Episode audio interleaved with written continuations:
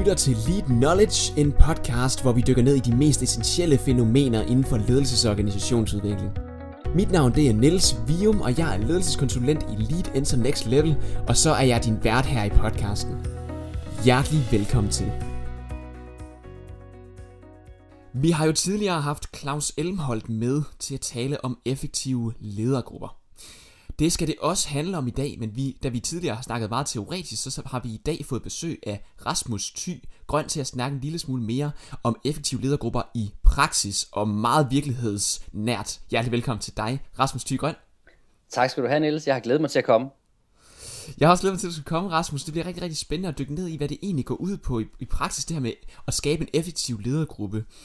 Øhm, noget af det, jeg er ret nysgerrig på her til at starte med, det er, når nu du og, og Claus for den sags skyld, og, og, og vi andre her i Elite er ude og arbejder med effektive ledergrupper sammen med, med nogle forskellige private og offentlige organisationer, hvad er det så primært for nogle ting, vi oplever, der er eller som du har oplevet, der er udfordringerne for de her ledergrupper, når de ønsker at, øh, at lykkes som en effektiv ledergruppe? Hvad er så for nogle, nogle to ting, som, som de ligesom mangler, eller de største udfordringer, de står overfor?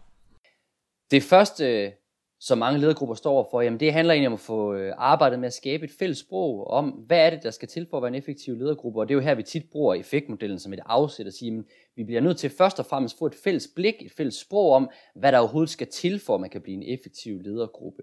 Så det er jo sådan et, det meget overordnede niveau. Øh, hvis man så mhm. skal fremhæve sådan nogle forskellige ting, altså nogle faktorer eller områder, der er rigtig svært for mange ledergrupper, så handler det om, om en del af fundamentet, altså det her klare formål. Hvad er det, vi skal skabe i fællesskab her i ledergruppen, som ikke kan skabes andre steder? Og den anden ting handler lidt om deres mødepraksis. Der er også mange, der har problemer med at få den til at fungere helt optimalt. Okay, okay, det er meget interessant, fordi lad os så prøve at se, om vi kan dykke ned i den, øh, det sidste nævnte her, øh, så kan vi tage formål bagefter, men det med mødepraksis lyder rigtig, rigtig spændende. Hvad er det sådan for det første skridt, man skal tage, hvis man ønsker at optimere selve mødepraksisen? I arbejdet med ens mødepraksis, der er et godt sted at, at starte, jamen det er jo at kigge på den nuværende mødepraksis, man har. Hvor er det, den kan optimeres? Hvor er det, man kan forbedre den?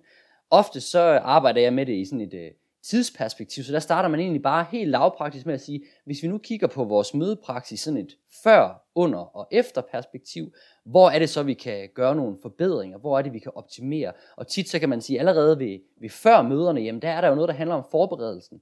Bliver tingene sendt ud? Dagsordner? Dokumenter, der skal læses? Bliver de sendt ud i ordentlig tid? Er det tydeligt, hvordan man forventes at forberede sig det, det er jo nogle af de helt centrale ting for at kunne lave en ordentlig forberedelse og for at kunne få et ordentligt møde. Derefter jamen, så går mm. man måske til selve mødet og kigger på, jamen, hvad er det egentlig for en måde, vi prioriterer vores sager på?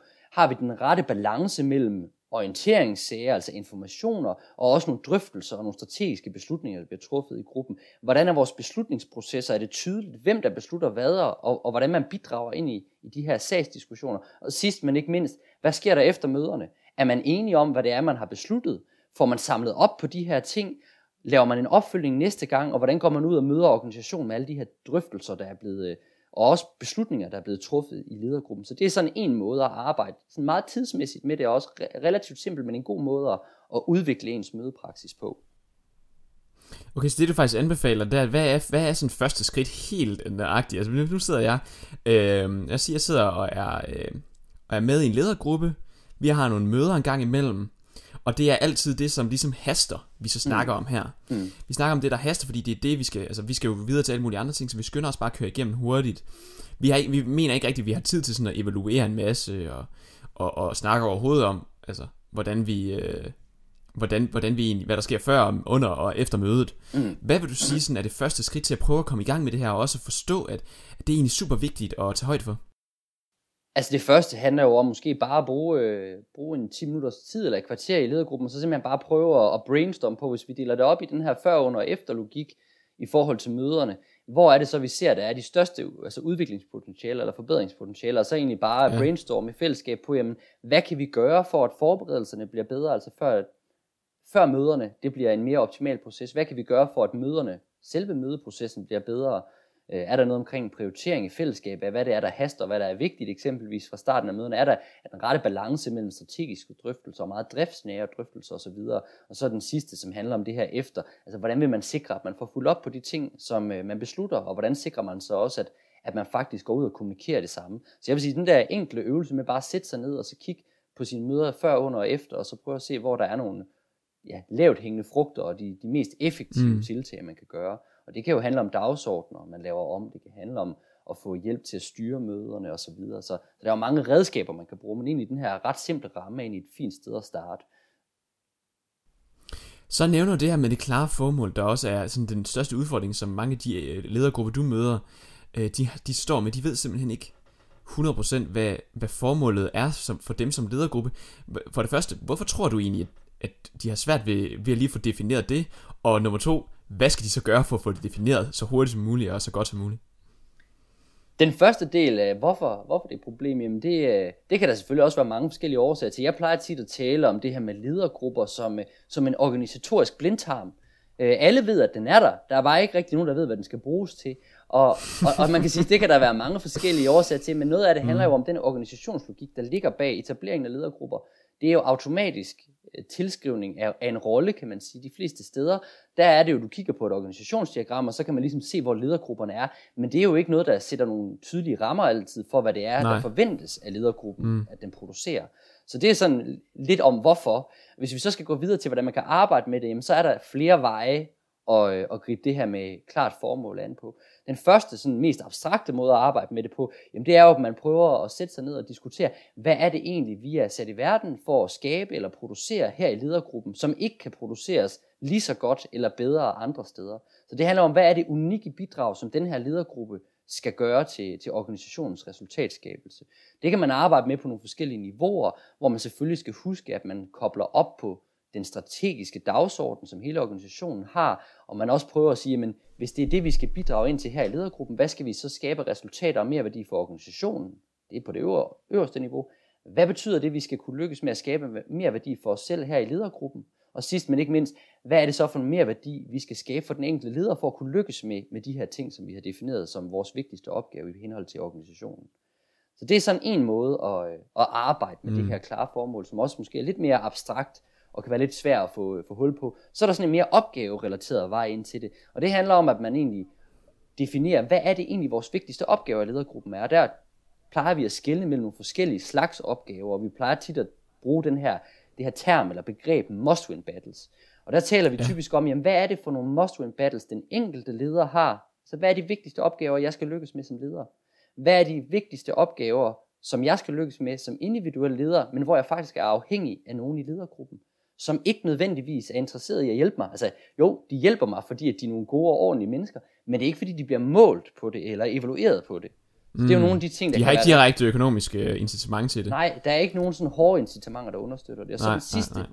Og så den sidste slags, og måske vigtigste, kan man sige her i, i ledergruppe sammenhæng, jamen det er jo så de her fælles must-win battles. Altså hvad er det for nogle opgaver, som ledergruppen skal tage sig af? Hvad er de vigtigste opgaver, vi kun kan lykkes med, hvis vi i ledergruppen træder i pedalerne alle sammen?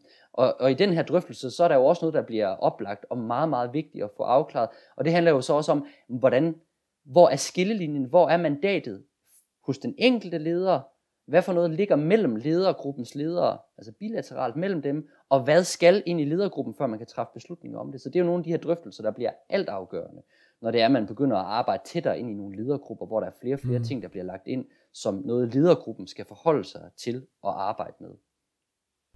Men jeg kunne bare godt forestille mig, at der sidder sådan den her ledergruppe, og så har de bare vidt forskellige retninger, de gerne vil i. Mm. Øhm, og, og når du selv siger, at det er tredelt med, hvad skal jeg have ud af det, hvad skal jeg have ud af det, som jeg skal bruge hjælp til, men som de ikke rigtig har økonomisk incitament til at hjælpe med, og hvad er det så for nogle, nogle fælles ting, vi sådan skal arbejde sammen direkte omkring, øh, som, som, som helt ledergruppe. Altså, hvad hvis nu, at det bare, øh, hvis man nu, hvis det bare er en gruppe af kun egoistiske personer, der sidder der, hvordan forholder man sig lige til det, og hvordan sørger man for at få en god dialog omkring, altså at vi skal hjælpe hinanden, jeg har brug for, for hjælp her, øh, og, og, og selv byde ind, øh, hvis de nu andre, de, de ikke gider, hvorfor skal jeg så, altså hvordan, hvordan takler man hele de her problemstillinger, alle de her problemstillinger omkring det? Altså nu vil jeg sige, de, det er langt de færreste ledere, jeg har, jeg har mødt, som, som er, er meget egoistiske og ikke kan se, uh, se formålet i, at man faktisk også arbejder sammen og kan nå, nå lidt længere i fællesskab. Så meget ja. af det handler jo om, om at i talesættelse Og nogle af de ting, der jo kan være svært, det er, at selvom at vi, vi taler rigtig meget om, at ledergrupper er vigtige, og vi skal hjælpe sad, og, og nu skal vi huske, det er et fælles ansvar at komme i mål og sådan nogle ting, så er der bare rigtig mange organisatoriske praksiser, som ligesom trækker lederne ned i, øh, ned i deres egen enhed, fordi alt det, de er blevet rekrutteret på, det de øh, bliver belønnet på, det de bliver evalueret mm. på og holdt op på, når de bliver, bliver målt og vejet i alle mulige forskellige sammenhænge, jamen det går næsten altid udelukkende ned i deres egen silo. Så det er altså noget af det, der kan være svært, fordi det trækker lederne ud af ledergruppen og ned i egen enhed, frem for at, ligesom mm. at skubbe dem ind i ledergruppen. Så der er en, en bevidsthed om det her, som er første skridt, fordi der er så mange af de andre ting, organisatoriske praksiser, der, der kan have en tendens til at underminere det her øh, gode samarbejde ind i ledergruppen. Så det handler rigtig meget om at få sat det på dagsordenen. Selvfølgelig også lederen af ledergruppen er ansvarlig for at, øh, at skabe en eller anden ramme, hvor det, det kan betale sig, og hvor man kan se meningen med, at man arbejder ind i ledergruppen, og ikke bare graver sig ned i sin egen enhed. Tak for det, Rasmus. Godt at lige få et, et, et, et lille indblik i, hvad man så skal gøre helt konkret som, som Øh, som ledergruppe her for at blive effektiv. Nogle helt konkrete ting, I kan give jer til derude, hvis I sidder og lytter med. Ellers så, hvis I ikke allerede har lyttet til de øh, to forrige afsnit med, med Claus Elmhold, der taler om det her, så tag og gå ind og lyt til dem på samme kanal. Og ellers så håber vi, at du følger med på den her kanal, når der kommer andre afsnit af Lead Knowledge. Tusind tak, fordi du lyttede med, og vi ses igen næste gang.